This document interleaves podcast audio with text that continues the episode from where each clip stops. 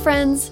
If you are enjoying First Draft and have about five minutes to spare, I would so love your feedback in the 2019 listener survey. Go to firstdraftpod.com to find a link to the survey, or you can also check out First Draft on Twitter, Instagram, or Facebook. I'm going to put links in all those places as well. It's quick and easy, and the responses are going to go a long way in helping me craft the future of the show and come up with some awesome new things to share with you. So thank you so much. Okay, now on with the show.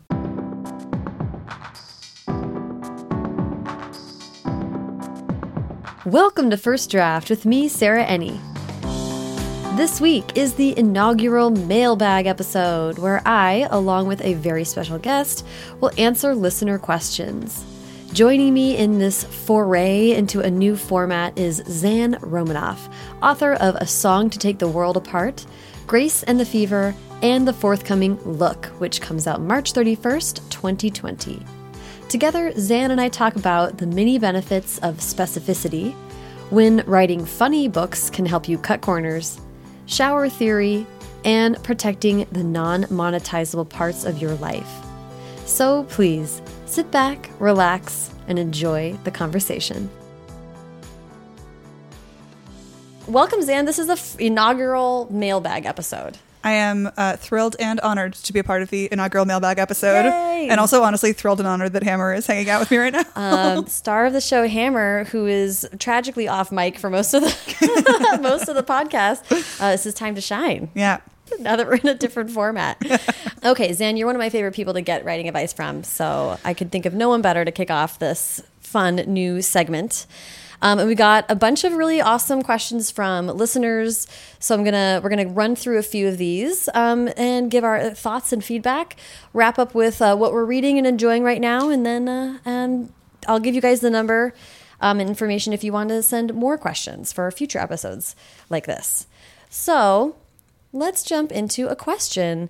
I am gonna start with with a question from Melissa this is very um very like i'm feeling this question right now in my personal writing life Okay. And it is why do you think writing can be so terrifying in the moment boy melissa i feel you Yeah, I feel you as well. yeah what do you think You know, I think sort of listening to yourself and like uh, not hearing yourself is really hard. I think about this a lot when I uh, tape interviews that I do in my day job as a journalist, and I have to listen back to them and I hear my voice, and I'm like, oh my god, I sound like that, right? We've all had this like experience. I think kind of the same thing happens to you when you're writing. You have this sort of idea in your head. You're like, oh, it's going to be this and it's going to be that and it's going to be mm-hmm. amazing. And then you like see it on the page and you sort of hear your voice and you're like, oh my God, that's not what I imagined. even in the moment you typing a sentence Yeah. and it's like oh this was supposed to be be- beautiful Right, that's just a sentence. not that's not. yeah yeah it's true Yeah. And so I think for me, like the best thing that I do is just do it, just try and get used to it, you know, just over and over again until finally I'm like, yeah. Like after a couple of years of, of listening to my interviews, I still don't like it, but like I'm used to it and I'm used to more so the way that my writing sounds and, and the way that, you know, a draft sounds. And I'm just like, yep, yep, that's draft sound. It's not what I want it to be. this is the first. It's it is easier to be like, oh, this is this is like the first round of this. This is like me screaming into the void, and then and then I get to go back and adjust it. Yeah. And I think that's getting used to it. That's exactly what I would say. Like I'm at the very beginning of drafting. I'm at, at like 4,500 words right now of this draft. yep. Same. yeah, right. And it's really, I'm like, oh yes, force. I have to force myself to get deep into it and to also like concentrate and just and remember that it takes 20 minutes for you to just calm down and sink into it and and I listen to music to help that move along and all that stuff and get to get kind of lost in it and then you reach that magical stage or on certain days you do where you're like oh I've been writing for an hour that really kind of flew by a little bit and but it's it's incredibly difficult. The first words are the hardest words. Always, always. But I do think of it also like jumping into cold water. Mm. I'm like, don't put your toe in. Don't do it. Leap in head first. Yep, hundred percent. I've someone I forget who was just telling me this the other day. They were like, "Oh, the first words of every writing session that I have are." I hate this and I don't want to be writing right now. and that just that just takes away that first the first like, you know, crack your knuckles, sit down at the keyboard and just type whatever. And then you've done it, you've started. You can um, it's so much easier to uh, is this is Sisyphus the one I want to reference right now? No, it's not. Like I pushing hope a not. pushing a snowball downhill. I don't know what I'm. It's pushing a, a boulder up a hill. What was the idiom I just messed up earlier? Uh, sore in the face. I said I would do something until I was sore in the Sore face. That doesn't make Read until you were sore in the face, so it really didn't make it made no sense at all. That's not. What am I, a writer? Uh, that was an awesome question, Melissa. Thank you so much for that. Yeah, I think mostly our answer is we relate. Like We relate. It's it's there's not.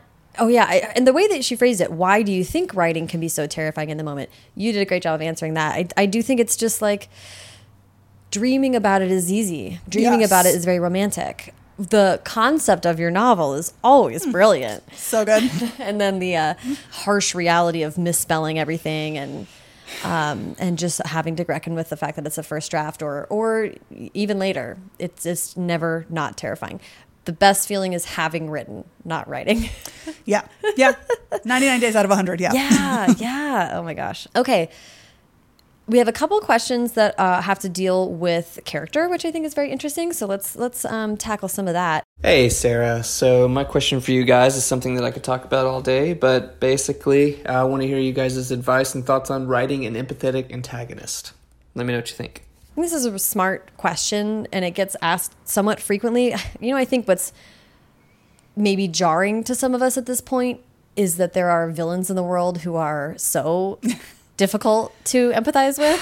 So we're not exactly um, in a moment where those rules apply the way that they always have. Right. No, all the time. Yeah, I read the news and I'm like, if I wrote this villain, my editor would be like, you can't. That's come on, Zan. Like, no one's gonna believe Yeah. this. This isn't real. You know, like this, Right. like, just doesn't read as true. Yeah. So we're actually sort of swimming in a very unbelievable, poorly written soap opera right now. Oh my god. Um, no end in sight. I know, right? Um, what are your guys? But I mean, the first and most obvious answer, but the one that I'll, that I'll start with is uh, you have to know why your antagonist believes what they believe, want what they want, why they are the way they are. You have to really, you have to know them just as much as you do your main character. Yeah, I definitely agree. I think there's yeah, you know, the moments when antagonists ring falsest is when they're doing something and you're like, you're just doing that to be like, you know, because it's convenient. It, Like it's going to hurt the main character in this specific way, but like there's no reason this person would actually do that. Mm-hmm. And I think also there's some use in tr- then in trying to like think a little bit less about protagonist antagonist Mm. um even off the page like in your own life to think like you know what when have i done things that were hurtful to people and why did i do them you know when have people hurt me and could i understand why they did that Yeah. um you know that we're used i think in our own lives to trying to understand or excuse other people's behavior Mm-hmm. um, and if you kind of look around you can see that and then apply that to your story as opposed to this i think the idea of like i have a protagonist i have an antagonist Yeah. you know, sometimes you're writing a fantasy story and there is like a villain, but often you're not. Right. And it's a lot more nuanced than that. And you can kind of let yourself lean into that. Yeah. Like, Yes. unless you're writing a Marvel comic book and it has to be like that clear, you can, I mean, how many of us love villains just as much, if not more, than Right. the main characters? So, like, let yourself lean into that and enjoy that character. Let them kind of um, voice things that you might not get to voice in your everyday life. And, and that's a way to, a way in. You definitely need to relate to every single character you write. You can't, you can't write a character that you purely hate or it's going to fall flat. Yeah, and I think actually it occurs to me as you're talking that one of the things that's also so important is to be specific, mm. right? In the same way that you're specific about, you know, sensory details or all these things, like, yeah, if your antagonist is just mean and they hate everyone and they kick every puppy they see and like they say every mean thing that comes to their mind, it's like, well, you're just mean and I don't really care. Yeah. Like the most heartbreaking moments are when there's like the cruelty is specifically aimed and specifically like meant from someone, right? Like you understand Yeah. it, it, it like lands so much harder when you have that kind of an antagonist. the um, same way that I think a specific want for your Yeah. main character is so much more satisfying. It's so much more satisfying to see a character, I don't know, like recover their grandfather's lost clarinet as opposed to like win a track meet. You know what I mean? Like that's not not that those aren't two valid things, but one is weird and interesting and means something very specific and isn't just like I want to win the race. Yeah.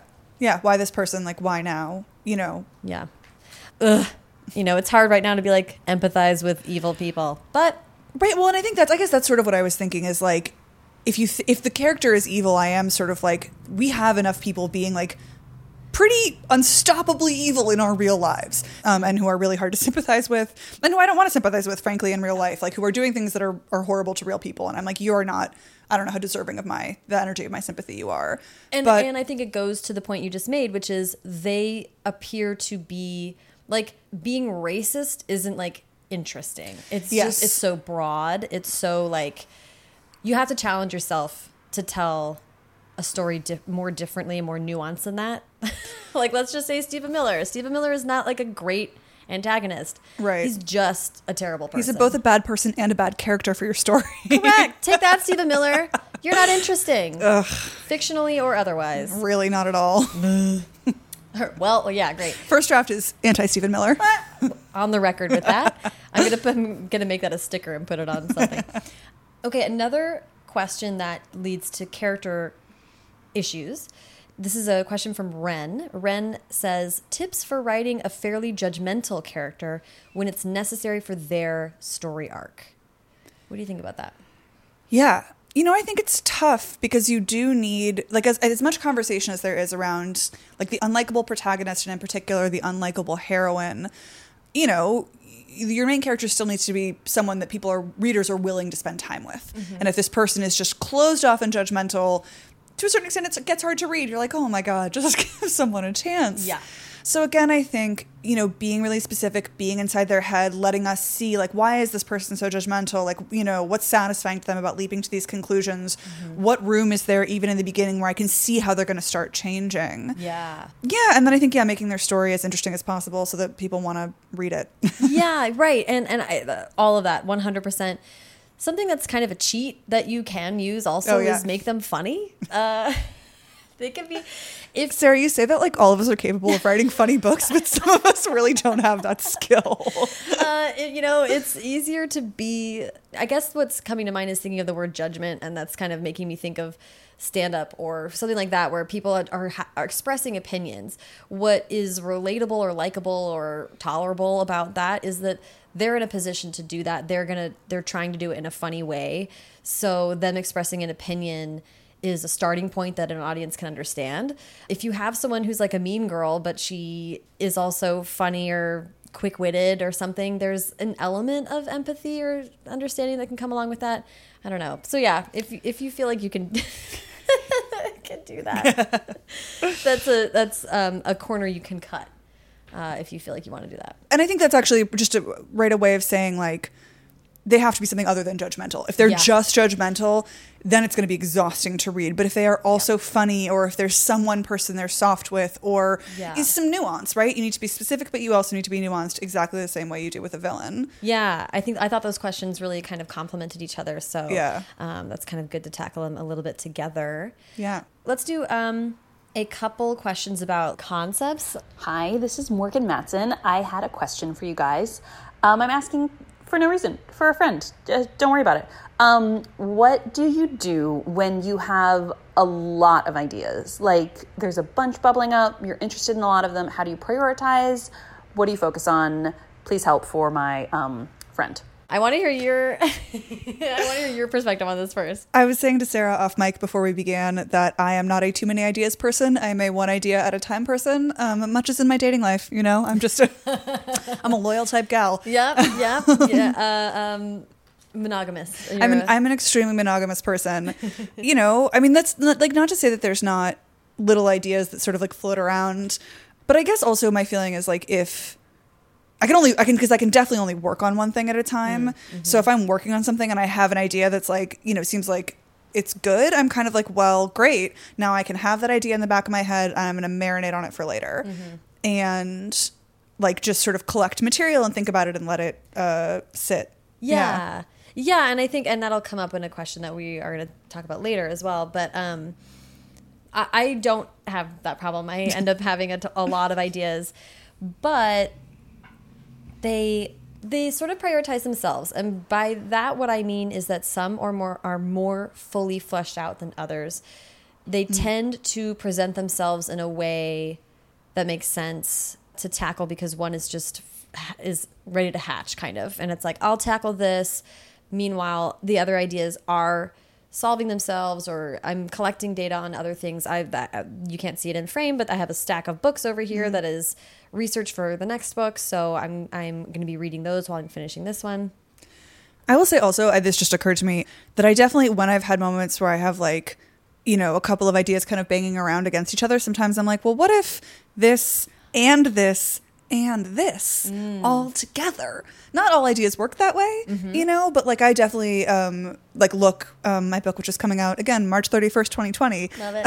um, was like I'd been sort of like playing with a retelling of the Bluebeard novel of the Bluebeard fairy tale forever. I mean, since I started writing fiction seriously, like whatever eight years ago, and I wanted to write a book about Snapchat, and I wanted to write a book about LA private school, and I wanted to write a queer book, and so like it sort of one by one, it was like, oh, actually, you know, this, that, the other, like elements that I thought had belonged to other stories started coming together. I love that Yeah. And it is kind of like, I guess what what we're kind of both saying a little bit is, I think the human brain is like so magic in in this way. Like often, you're making it harder for yourself mm-hmm. because your brain is presenting the right things, and it's up to you to like listen in a constructive and creative way. I've heard so many people say that. Yeah. Just like that they had competing ideas and then they realized, oh, it's actually the same idea Yeah. this is a subplot this is another uh, conflict within there um, so that's something you can try out i also i will say i don't want to i don't want to neglect this part of it i have like four or five ideas and i have been clear with my agent and myself about like well my first book was a contemporary so the contemporary ideas are going to get shuffled to the front of the line. And if i mm-hmm. want to move into a more speculative or a fantasy realm that does need to come a little bit later. So i do feel fine about everyone having like actual career like strategy. Yeah. definitely keep that in mind you know? Your audience expects a certain kind of book for you. That is something but if you wrote a contempt and then the next thing doesn't feel like it wants to be contempt you might waste a year trying to force something that isn't going to work Yeah. yeah it's tough It's very tough. I mean, you know, yeah, it's writing is very much like there's all this sort of rational brain stuff and like the intelligence and the plans. And then at a certain point, you're at the mercy of your subconscious. Yeah. It's just really frustrating. it's tough i'm like go you know what go on a silent retreat I could never. Ah, are you serious? Never. But you know, do whatever you need to do. Meditate on it. Uh, my guess is it's kind of like when you're when you're faced with a tough choice, and then you like say out loud, "I choose this," and then if you feel regret, you're telling yourself something. So you can kind of trick yourself into maybe seeing if you lean one way or the other as well. Yeah. Hey, First Draft. This is Elissa from Los Angeles. Here's my question for you How do you know when a draft is done? Thanks. Oh, this is a tough one. Yeah. yeah. I think it is when you literally cannot look at it anymore. Mm. And I'm not saying that that means your book is ready to be published. What I'm saying is that means it's ready to be read by kind hearted, smart, trustworthy people because you. You only ever once have a book done and ready for publication. You'll know when that happens because it's copy edits. Until then, until then, it's never really done. Yeah, and even then, it's not really done. I was rereading uh, my second book earlier, uh, looking and the Fever. Grace, yeah, Grace book. and the Fever, because we were t- talking to my editor about um, formatting text messages, Mm. which, by the way, no one's really figured out how to do yet. No, I had a tough time in Tell Me Everything as well. Yeah. And so I was looking through Grace and the Fever, looking for examples of how we'd formatted it. Anyway, but I was and I was like, mm, some of these wording choices, I don't know, or like just little things. Like it's not, it's not like the book itself, the major shape of it, the characters, whatever. Like I still love and I have no problems with. But on a sentence level, every day of my life, I could slightly rewrite that book. No doubt. And I think to a certain, so a yeah, to a certain extent, it's being just absolutely sick of it. For me, definitely, like I am a rereader when I'm editing. I just like, so when I start re- when I read it through and I'm like just moving a period, moving it back, making a possibly a maybe and a maybe a possibly, then I'm kind of like, okay, seems like I'm I'm pretty there. Yeah. But I think also for me, a big thing has been letting go of the idea that there's such a thing as done. Yeah. Just being like, well, this is what I can do right now. Yep. Yeah, embrace that it's a concept. You know, I think it's difficult, sort of tying in a couple of these questions, it's difficult to recognize that you, like, I could have written a better Tell Me Everything in 10 years. Yes. Oh my. Yeah. Not that. Tell me everything is a fantastic book. Thank you so much. I'm not kidding. It is, but yeah. But it's not like, I appreciate that. It's, it just is like, you have to, it's like graduating high school, right? You're just like, well, I did it. I did it the best I could. I wasn't my best self all the time. I could ch- I would change things if I could, but I have to move forward and do better next time. Mm-hmm. I think if you keep if you keep that in mind, if you keep the forward movement in mind and you know, I think the only way to feel sane after you send a book to the final final printing is to be like I can't wait to work on the next thing because otherwise you'll drive yourself wild, you know. yeah. Yeah. Yeah. So there is no done. Melissa, I'm so sorry. Sorry, we love you.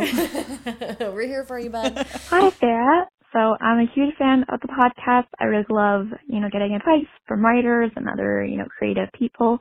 Um, I have an idea. Well, I was gonna say I have an idea, but before that, I have a question. So I have this thing where I get ideas and I'm really excited for them, and I go, "Ooh, like that's a cool idea," and I jot it down. But then, you know, I sit down to type and, you know, try and, you know, take it somewhere, and just nothing happens. Like I just, I just have nothing to, I have nowhere to go from it. So you know, how do you, you know, look through your ideas for a story that you have um, where you don't really have anything with it? You don't have like the world or the plot or even the characters sometimes, just like that initial one sentence like blurb basically. And how do you sort through ideas where it's like, okay, this is a cool idea, but it's, it's probably not going to go anywhere, and ideas where it can be a story and you can make it the whole thing. Like, how do you sort that out, basically? Um, thank you so much. Uh, I hope to hear this on the podcast. So, so it's a lot of kind of asking. It's similar about ideas, but it's like, what do you do when you sit down and and it's just not moving? right. You get through the first like 500 words, and then you're like, but the next 500 words, what are they? How would you? What's happening? Yeah. I will just kick us off by saying in the um, episode that's going to air next Tuesday, whatever day of that is, um, it's a live panel from Yahoo Fest in Chattanooga, and Cindy Pon and Justin A. Reynolds both said that they don't know if a book idea is meant to be until after they reach 40,000 words, Whoa. implying that both of them have on multiple occasions written 40,000 words and then be like, I guess this was just kind of a oh so so idea. I gotta tell you, because I do 10 10,000 words Uh-huh. is my like has been in the past. Please God, let it never be more than 10. like I have I have repeatedly written about 10,000 words um, and then kind of gotten to like 10,001 and been like, nope, that was it.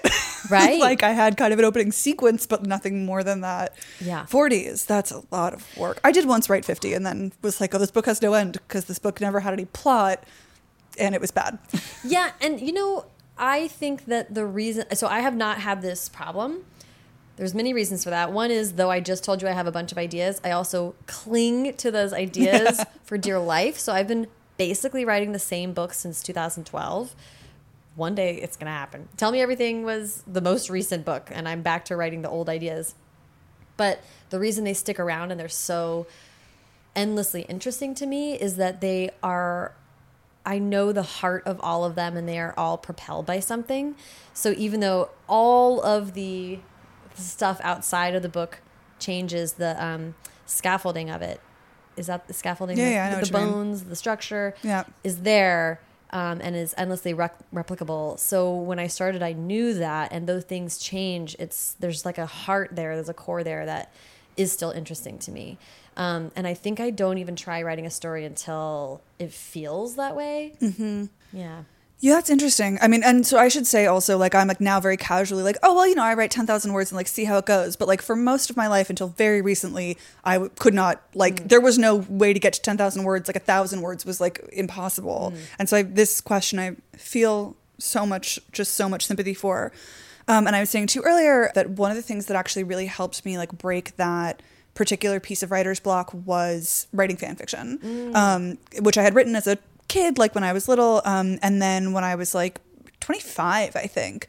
Um, was like sort of got interested in it again was reading some fan fiction and was like well you know i'm going to try my hand at this. And it was you know these two characters who i thought should fall in love. And so for the first time i wasn't like yeah i'd had ideas for scenes before um, or like moments but i was like okay these characters need something. They need to kiss. Yep. and i need to get them there and it was the first time that pulled everything into focus for me. I think everyone has this in different ways, but for me, it was like once I understood what the need was, it told me so much about who the characters were. Once I understood what the need was, it told me so much about how I could st- how something the plot could stand in the way of that need. I think also just completely dovetailing on that is Yeah. the the reason I've rewritten my book so many times. What I've come to learn now is the books never work when my rewrite is premised on plot. When I when I mm-hmm. rewrite with a focus on but what happens, I inevitably have to rewrite that draft. Now what I find is working is being like, oh, it's it's the characters. Like every single scene, what's happening with the characters. My outlines now include all the subplots and how the characters are emotionally being impacted by what's happening in that scene every single time. And if you are tuned into your characters like that, and if you like your characters enough to stick with them that long, odds are you know you can you can come up with a story. You can put it in a genre make it use tropes like throw a bunch of stuff at it. And if you like your characters and have a firm idea of who they are you'll find a way. Yeah, yeah, generally. Yeah. No, but I, th- I think it is like, uh, yeah, for me, when I start writing, like, uh, one of the ways, and this isn't quite any of these questions, but I think it's sort of lurking in the background of several of them, and often just like questions that come up is like how I distinguish what's like a log line for a story. Because all the time I come up with stuff where I'm like, that would be like a great plot for a novel, and it's like two sentences, right? Right. Um, Yeah. You know, yeah, I have lots of those ideas, but like that's, and I've, and I have learned the hard way that that is not a novel, and it's not a novel I can write. That for me, I need to understand like who is like there's like the situation, and there's a character in it, and she, I need her to get somewhere. Yeah. Right. Those are sort of the three things that I. Once I have those three things, I can triangulate my way like through a plot and a story. yeah Um, do you have the end usually some version of the emotional end. It's Yeah. I don't understand plot wise what's going to get us there, but it's like, you know, this is a book about a girl who, in the case of Look, like she's sort of a social media star and she's very concerned about what people think of her.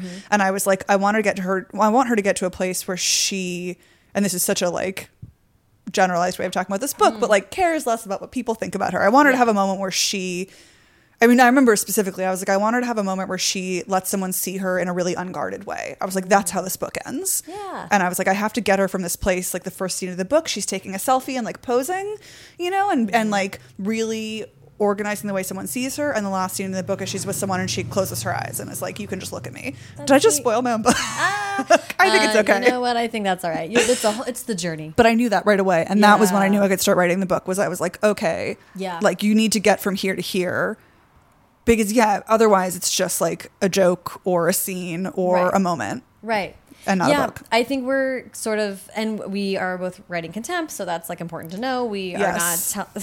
Sometimes you have to throw the ring uh, into Mount Doom. We understand that, but but emotionally, you you need to know because I'm the same way. I do not know how it ends. I want to be open to flexibility as I'm writing to up the stakes and have like zany things happen but emotionally i always know the journey that my main character is on and all the different things that are going to make it difficult to get there yeah i think that's a really good point to add to that. So keep in mind you could have these great ideas. It could also be a screenplay. It could be a short story. It could be a poem.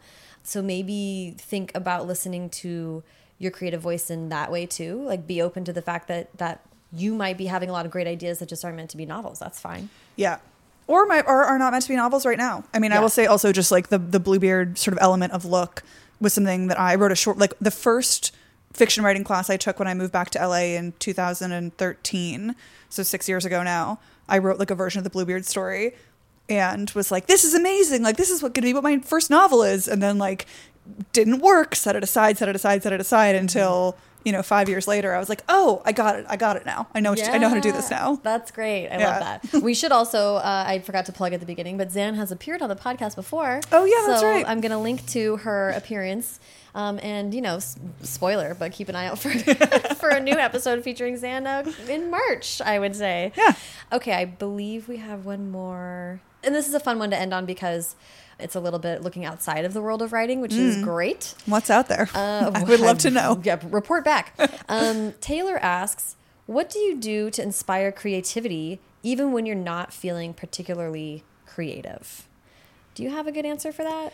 one of the things that's become more and more important to me, especially as I, you know, I write novels and then I also am a journalist and an essayist and like I, I write full time basically. That's like what I do. And it is very exhausting sometimes. Mm-hmm. And one of the most important things for me has been recognizing when I'm actually burnt out and I actually need to just stop mm-hmm. because like there are times when I'm like not feeling inspired and I've just like tried to push myself and push myself and that ends up being time that I waste because it's like you're too tired, you're not going to get anywhere. You may as well just quit, take a nap, take a walk, Yeah. whatever. So a recognizing that you cannot be creatively inspired all the time is really really critical. Mm-hmm. Yeah. I had a period of time where I gave myself a break this year, basically from August till October 20th or so, which was an insane period of t- But I knew that I was going to have so many things happening at that time. So I was able ahead of then to say, just shut your brain off. Mm-hmm. You are allowed to, you don't have to be sharp basically for the next two months. And that was so freeing. I think it was the first time in years that I've, or maybe ever, that I've thought of it that way. Yeah. So when I wanted to watch a lot of TV, a lot of RuPaul's Drag Race, when I started playing solitaire on my phone, like a lot, I was like, but that's fine. You're, you don't need to do that right now. You can just be processing, taking things in. I was traveling at the time, which is another great thing that um, Yeah. if you can do it. I did this year actually. The advice "go take a walk" has been out since the beginning of time, but this year I actually started taking that advice, and it's huge. I love that. Yeah, I, it's true. We both we live near like a pretty good walking path. Sarah and I are neighbors, and often like I'm actually kind of recently was having a really really hard time with some like piece of a book, and I just like put in my headphones, listened to the same song for like an hour, walked in a, you know a, a two mile loop, Yep. and at the end of it, I came up with a solution to the problem. Yeah, I'm a, I'm a real shower theory person, oh, right? Oh, Of yeah. like get in the shower, take a walk, like change your circumstance, let it kind of, you know, I think you I think you do yourself a disservice when you feel upset that you don't come up with a solution right away. yeah. You really need to to give your your like you'll get to it. Not to talk about playing solitaire all the time. but I'm literally playing solitaire on my phone often recently and like if you if I put the phone down to do something else and come back then I'm like, "Oh, the ace and the 2 are right there and I just couldn't see it cuz I was I was too in it." Yeah. And that that happens with books all the time. Yeah, no, yeah, taking breaks. And then I think also like surrounding yourself with people that you love and like art that you love is so so so so critical. Like I've been watching Dickinson. Um Oh, do you like it? I'm obsessed with it, Sarah. I'm obsessed with it. And I've been I was saying to Sarah earlier, I've been having a really hard time writing recently and watching it was one of those moments where I was like that I want to make not that exactly, but like this kind of thing. I want to make something that makes someone feel the way this show is making me feel right now. Mm. You know, it's just like, yes, oh, right. Like, because it's so easy also like to get annoyed with yourself, annoyed with Twitter, annoyed with publishing, annoyed with mm-hmm. like everything in the world. Yep. And just be like, it's not worth it. None of it is worth it. And then like I watch this TV show, you know, where Emily Dickinson is riding in a carriage with death played by Wiz Khalifa. Yes. I want I, I read that John Mulaney plays Henry David Oh my Thoreau God.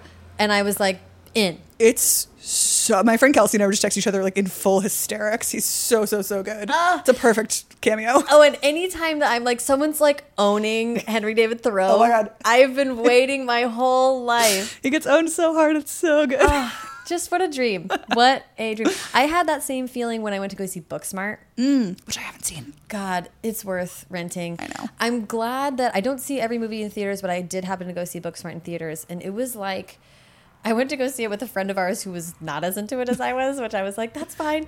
But I was having a moment. I just started crying in the middle because I was like, I haven't enjoyed a teen story like this Yeah. in so long. It was just beautiful.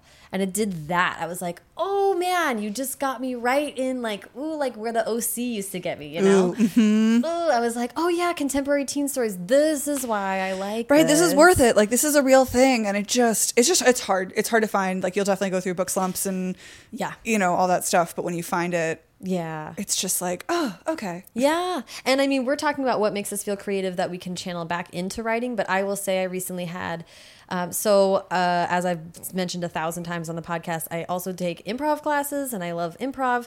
And I just had drinks with Ava Dellaira, who is another brilliant contemporary YA writer.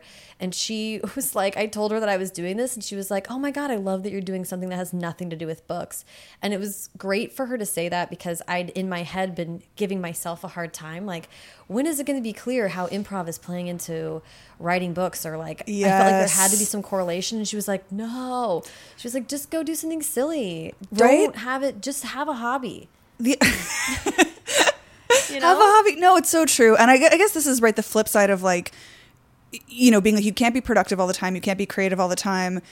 But there are moments when I'm like, okay, well, I'm not being creative today, so I'd better like read a book so that I can like have a creative inspiration. It's like really, truly, truly letting go and being like, there's just going to be fully unproductive time in my life. Like, I mean, I think my equivalent is watching baseball. I watched a hundred million hours of baseball this summer, and everyone keeps being like, when are you going to write about baseball? And I'm like, fucking never. yeah never it doesn't ever have to Never. happen That's a whole separate part. That is my non-writer Zan life. Yeah. And like she needs to exist so that writer Zan can exist. Otherwise, I would lose my mind. 100% and i do think i mean this is a larger conversation that we're just touching on but like our generation and younger it's just like this funny thing where we have it in our heads that every single thing needs to be like playing into the whole or you need to be a brand right so everything and it's just like actually protecting the parts of yourself that are like different funky unusual uh just tiny little pockets of time right. That are and that are like not like protecting parts of your life that are not monetizable. I think is. It's real. It's but it's super real and it's it's bizarre how yeah real it is but it's like just being like there are parts of me that no one's ever going to make money off of that i'm never going to make money off of that i'm not going to be make public i'm not going to sell. There's just weird shit stewing around in here. Yes and it's and just because it's not monetizable doesn't mean it's not completely integral to who i am. Yeah. and that is you know whatever. I think that's what we're in the moment of being like oh yes let's like get back to some basics. Like that's what life is actually. Right? Actually. Actually. Oh my gosh. I feel like i learned a lot. This is great. I'm feeling inspired. Let's wrap up by talking about what we're reading. Um, what are you reading? So I just finished a galley of our friend Brandy Colbert's book, The Voting Booth, which comes out in June of next year, I think. oh is it june? Okay I, s- I think next summer. It's a story about two black teenagers trying to vote in a very consequential presidential election and Finally. being stymied at every turn and falling in love. And there's um, actually a really delightful cat subplot. really Um, yeah. I'm so We're excited. There's, an- there's an Instagram famous cat. Like, um, dream it's so yeah, it's so good. Brandy's so good. If you haven't read Brandy's books yet, like you're you're missing out, to be honest. yeah and and listen to her episode of first draft Yes, exactly. Yes. And then I just started today uh, Robin Schneider's You Don't Live Here, which is a YA contempt about a bisexual girl or a girl coming to terms with her bisexuality in the wake of like a big tragedy. Anyway, Robin's books are always really fun and really funny, but this is like just breaking my heart in the best ways. So, Oh, I yeah. love that. Okay, I'm to borrow that from you. Yeah. Buy Book Girls 2020. yes, exactly. Um, well, I'm about to start reading Look by Zan Romanoff. And also, please help me. I want to say Conversations with Friends. That's not right. Oh, that's Sally topics, Rooney. topics of conversation. Topics of Conversation by Miranda Popkey is next up. I'm super excited about that. I also got Medallion Status by John Hodgman, which is going up on my to read list. His original or his um, previous book of essays, Vacationland, was really good and funny. Um, so I'm excited to read that. And I just finished reading The Man Who Mistook His Wife for a Hat. Oliver Sacks, throwback, 1985. uh, listen to the audiobook. It was phenomenal. I, li- I listened to it and played solitaire. This is my life right now, guys. I really had no idea that you were in the solitaire phase. Is- I'm glad you invited me to come over and record this so It- I could learn facts about it your came life. on hard. Okay, I was like playing. I was on the plane, and I found myself playing the solitaire on the seat back, and then we landed, and I was like, oh. I didn't see it coming, but I'm leaning in. Um, this has been awesome. Thank you for joining me, Zan. Thank you, Sarah. Thank you so much to Zan follow her on Twitter and Instagram at Zanopticon. And follow me on both Twitter and Instagram at Sarah Enni and the show at First Draft Pod. And you should definitely check out the First Draft Instagram because if you enjoyed this Q&A, there is a longer unedited version of our mailbag episode with the video. Video of Zan and I hanging out on my couch, drinking rosé, hanging out with my cat. Um, and if you are interested in watching that, I put it up on the First Draft Pod Instagram IGTV. So if you go to the Instagram, and click on the little TV icon. You can watch. It's about a 45 minute video of Zan and I hanging out. So um, definitely check that out. You can also find the show notes for this episode at firstdraftpod.com. And a lot of people ask me about ways you can support First Draft. A subtle way that I don't think I've mentioned in the credits before is when you go to the show notes or anywhere on the website at firstdraftpod.com, I use affiliate links on the website. And that means if you're one of the 89% of people who say that they buy a book after listening to an episode, if you're going to buy the book anyway, you can follow the links from the website and I'll get a little kickback from your purchase. That just helps keep First Draft free and helps support the show. So it would be greatly appreciated. Yet another way that you can support the show is by leaving a rating or review on iTunes. Well, first, you can subscribe to the show wherever you're listening. And then, yes, leaving a rating or review on iTunes. I'm going to read one of the recent five star reviews that was left on the site. This review is left by Storyologist. Storyologist says, one of the best writing podcasts out there. I highly recommend the First Draft podcast with Sarah Enni. I find the interviews to be informative, interesting, and fun. Sarah asks thoughtful, insightful questions of her guests, and I get the sense that she takes a lot of time preparing for each episode. She actually reads the books she's talking about and really gets to know the authors before and during the interview, which allows for much deeper conversations. She also has a great voice. I look forward to more first draft episodes. That is the kindest, sweetest thing. Thank you so much, Storyologist. What a lovely compliment. I'm glad that you liked the sound of my voice, and it's always a pleasure to hear that people get a sense of all the work that goes into making the show special. I am so appreciative of that. And of course, Storyologist, by leaving this five star review on iTunes, you have helped so much in putting the show in front of other people who might not have found it otherwise. So I really appreciate it. Haley Hirschman produced this episode. The theme music is by Dan Bailey, and the logo was designed by Colin Keith. Thanks to production assistant Tasneem Daoud and transcriptionist at large Julie Anderson. And as ever, thanks to you, nuanced antagonists, for listening.